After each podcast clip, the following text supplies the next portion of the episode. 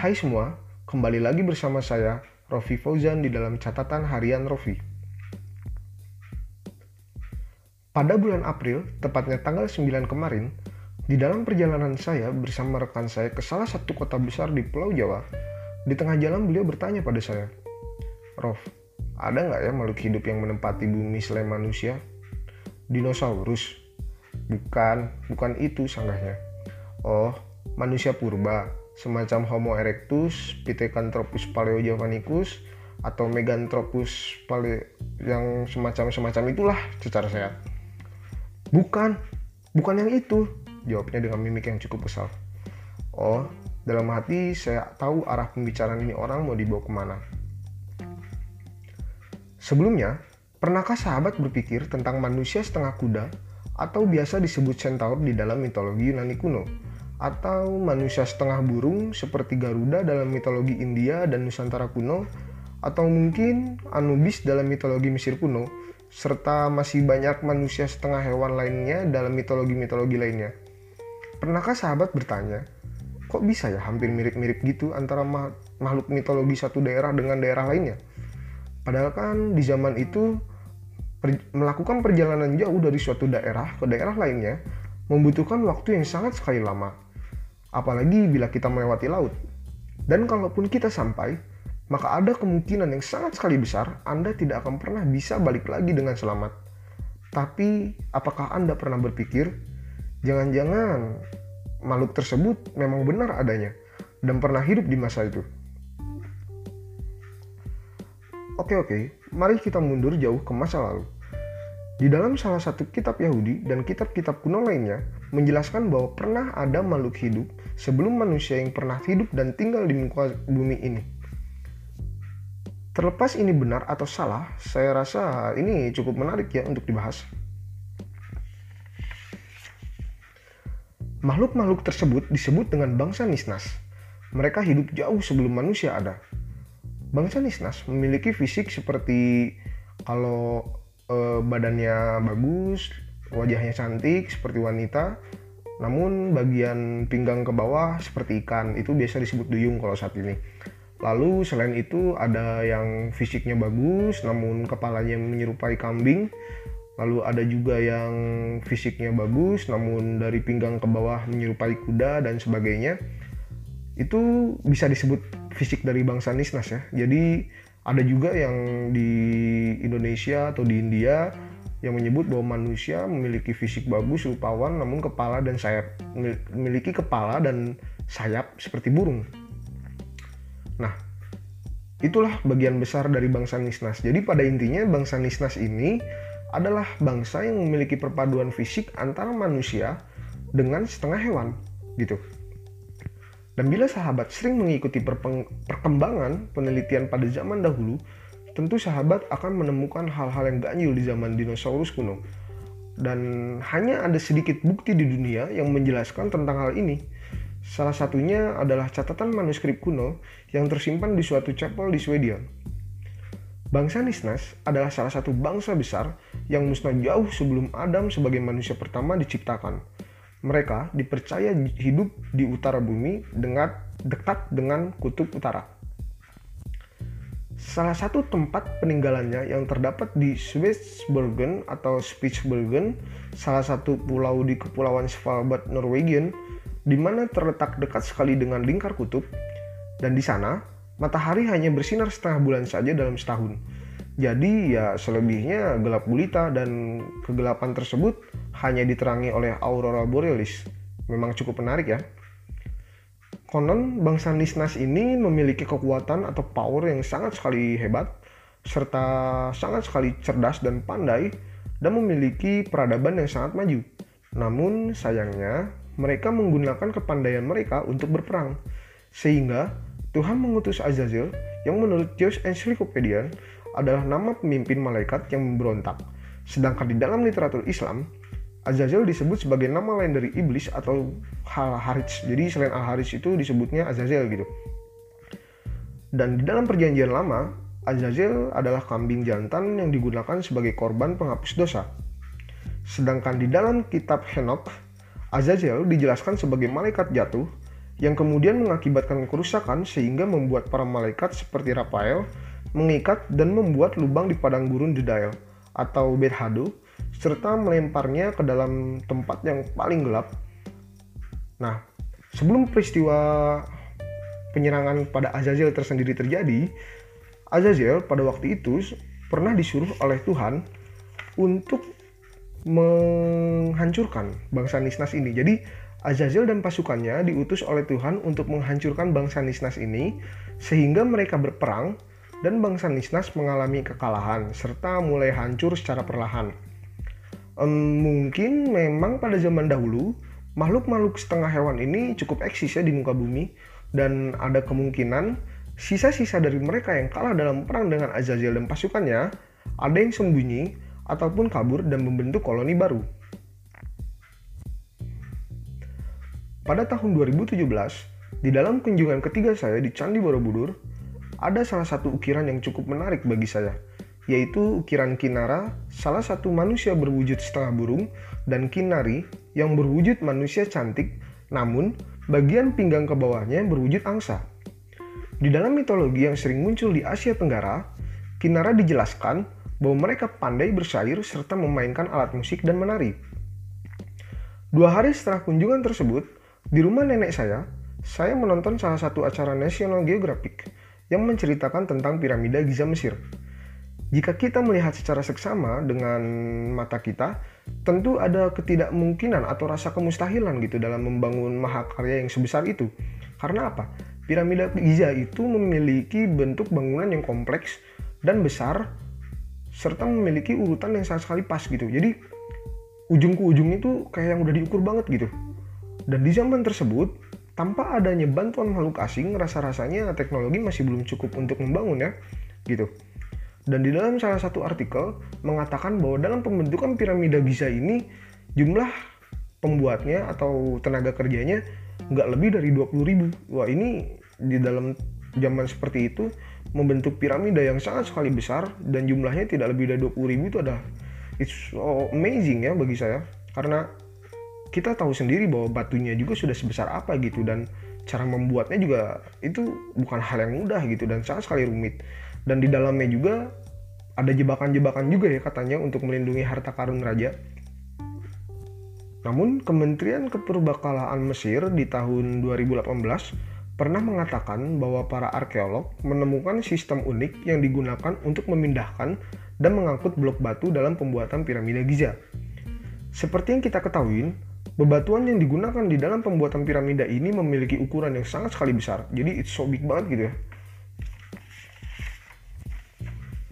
Walaupun biasanya piramida ini terbuat dari batu kapur, namun pada zaman dahulu orang-orang Mesir kuno itu biasanya lebih senang menggunakan batu kualam dalam membentuk beberapa fitur seperti lantai, patung, vas dan peti mati atau aksesoris lainnya. Jadi mereka itu kayaknya lebih seneng ngebangun hal-hal kayak aksesoris-aksesorisnya dari batu kapur gitu. Eh sorry dari batu walam gitu. Sedangkan batu kapur lebih seneng dibuat sebagai piramida. Makanya kita bisa lihat sendiri bentuknya seperti apa dan um, apa itu komposisi batuan piramida seperti apa kita bisa tahu sendirilah. Nah, sistem yang ditemukan oleh para arkeolog untuk memindahkan batu besar tersebut terdiri dari jalan utama dan dikelilingi oleh dua tangga berisi beberapa lubang tiang.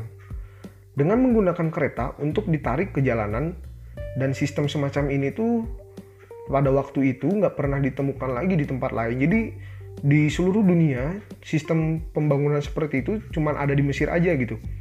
Jadi ya hanya ada di Mesir aja gitu di waktu itu tuh. Dan tentunya ya cukup mengherankan ya bagaimana mungkin ada hal semodern itu di masa tersebut. Dan bila kita melihat di dalam Upa Veda atau kitab penunjang pemahaman Veda atau biasa disebut Veda tambahan sebagai bagian yang menjelaskan Veda dengan bahasa yang lebih mudah dimengerti, di dalam bagian itihasa, jadi di dalam Upa Veda itu ada bagian itihasanya, karya Bagawan Wiyasa yang terdapat sebuah epos Mahabharata jadi di situ tuh ada dua epos. Yang pertama Mahabharata dan Ramayana. Tapi yang saya jelaskan di sini Mahabharata aja.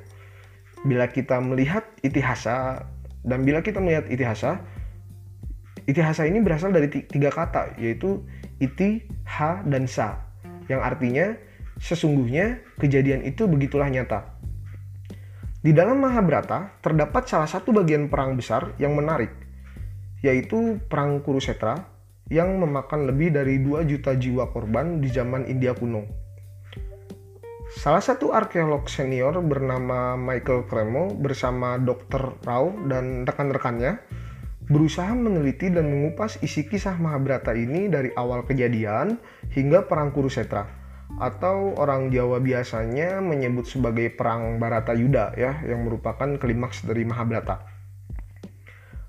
Michael Cremo ini mengadakan penelitian di Indraprasta, Hastinapura, dan Padang Kurusetra yang menjadi arena perang, Mada, perang Mahabharata. Dan di sini para ahli menemukan banyak bukti yang cukup mengejutkan ya bahwa Tanah seluas ini ternyata nggak ditumbuhin apa pun karena tercemar oleh radioaktif.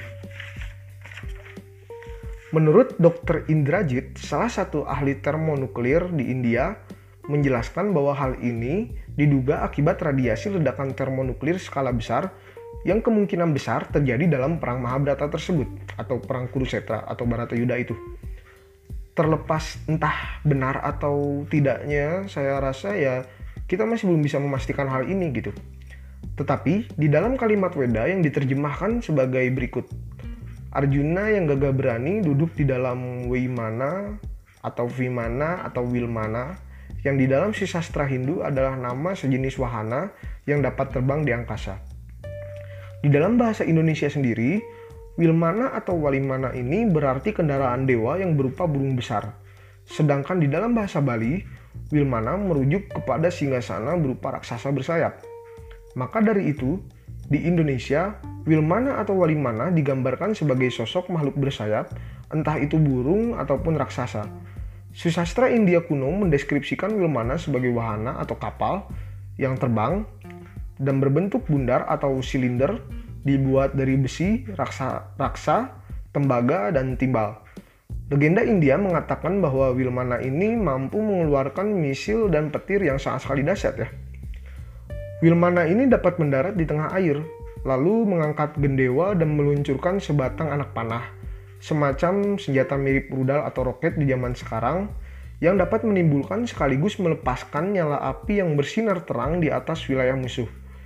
Curahannya seperti hujan lebat yang deras, mengepung musuh dengan kekuatan yang dahsyat, setelah panah itu tiba pada sasarannya, dalam sekejap sebuah bayangan yang tebal dengan cepat terbentuk seperti cendawan raksasa dan merekah di atas wilayah Kurawa pada saat perang itu. Angkasa menjadi gelap gulita, semua kompas yang ada dalam kegelapan menjadi tidak berfungsi. Kemudian badai angin yang dahsyat mulai bertiup, bus disertai dengan debu pasir. Burung-burung mulai bercicit panik seolah-olah langit runtuh dan bumi gonjang-ganjing. Sementara itu, di atas langit, matahari seolah-olah bergoyang.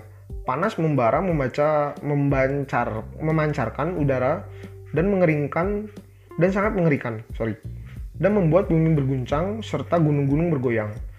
Di kawasan darat yang luas, binatang-binatang mati terbakar dan berubah.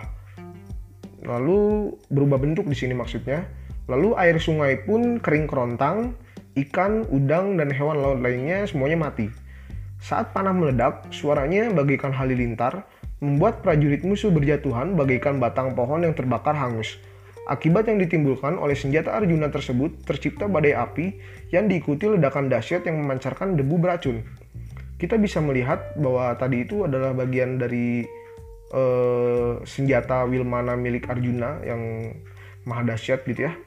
Dan bila kita memahami ini lebih dalam, rasanya cukup mengerikan ya. Dan di masa itu peristiwa perang ini termasuk perang yang di luar nalar kita loh. Seperti ya kayak kayak wow itu kayaknya nggak masuk imajinasi banget gitu di zaman tersebut. Namun film mana atau Wilmana ini bila memang benar adanya seperti yang dikatakan di dalam bahasa Bali atau kesusastraan India kuno maka ada kemungkinan besar bangsa Nisnas ini memiliki peran di dalam pertempuran Mahabharata ini.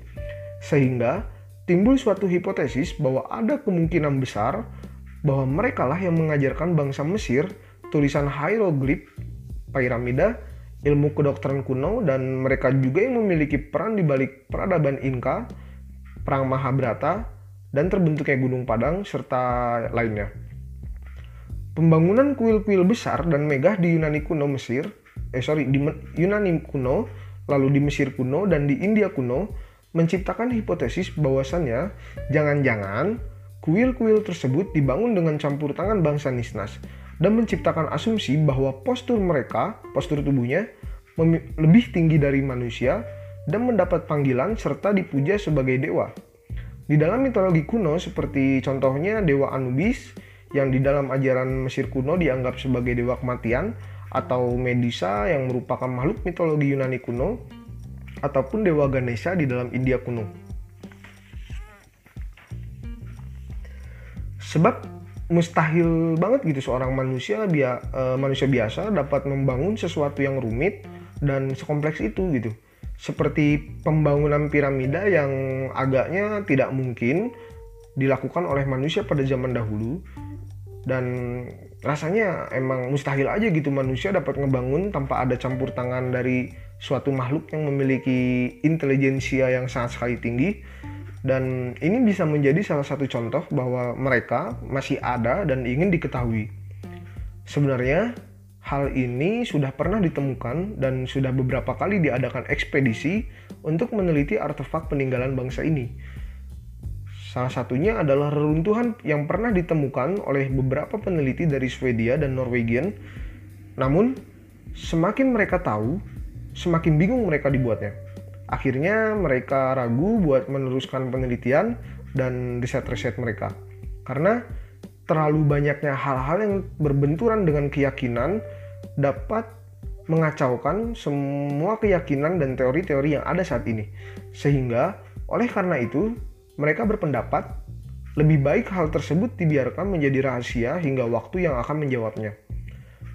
Terlepas dari benar atau tidaknya semua ini, saya rasa kita sebagai umat manusia harus menyadari bahwa ada sebagian besar hal-hal di alam semesta ini yang belum kita ketahui. Dan maka sebab itu, kita nggak akan pernah bisa merasa bahwa kita ini sudah hebat gitu. Karena di luar sana masih banyak hal-hal lain yang di luar kemampuan kita sebagai umat manusia. Akhir kata, saya Rofi Fauzan, izin pamit. Mohon maaf bila ada salah kata. Oh ya, eh, buat kalian yang mau rekomendasi, Rof bahas ini dong atau bahas itu dong, itu bisa banget ya. Kalian tinggal hubungi aja di Instagram saya, @rofi underscore zan. Nanti kalian langsung DM aja. By the way, bila dirasa podcast ini bermanfaat, bisa dibantu buat follow dan share ya. And so, sampai jumpa di catatan berikutnya. Bye-bye.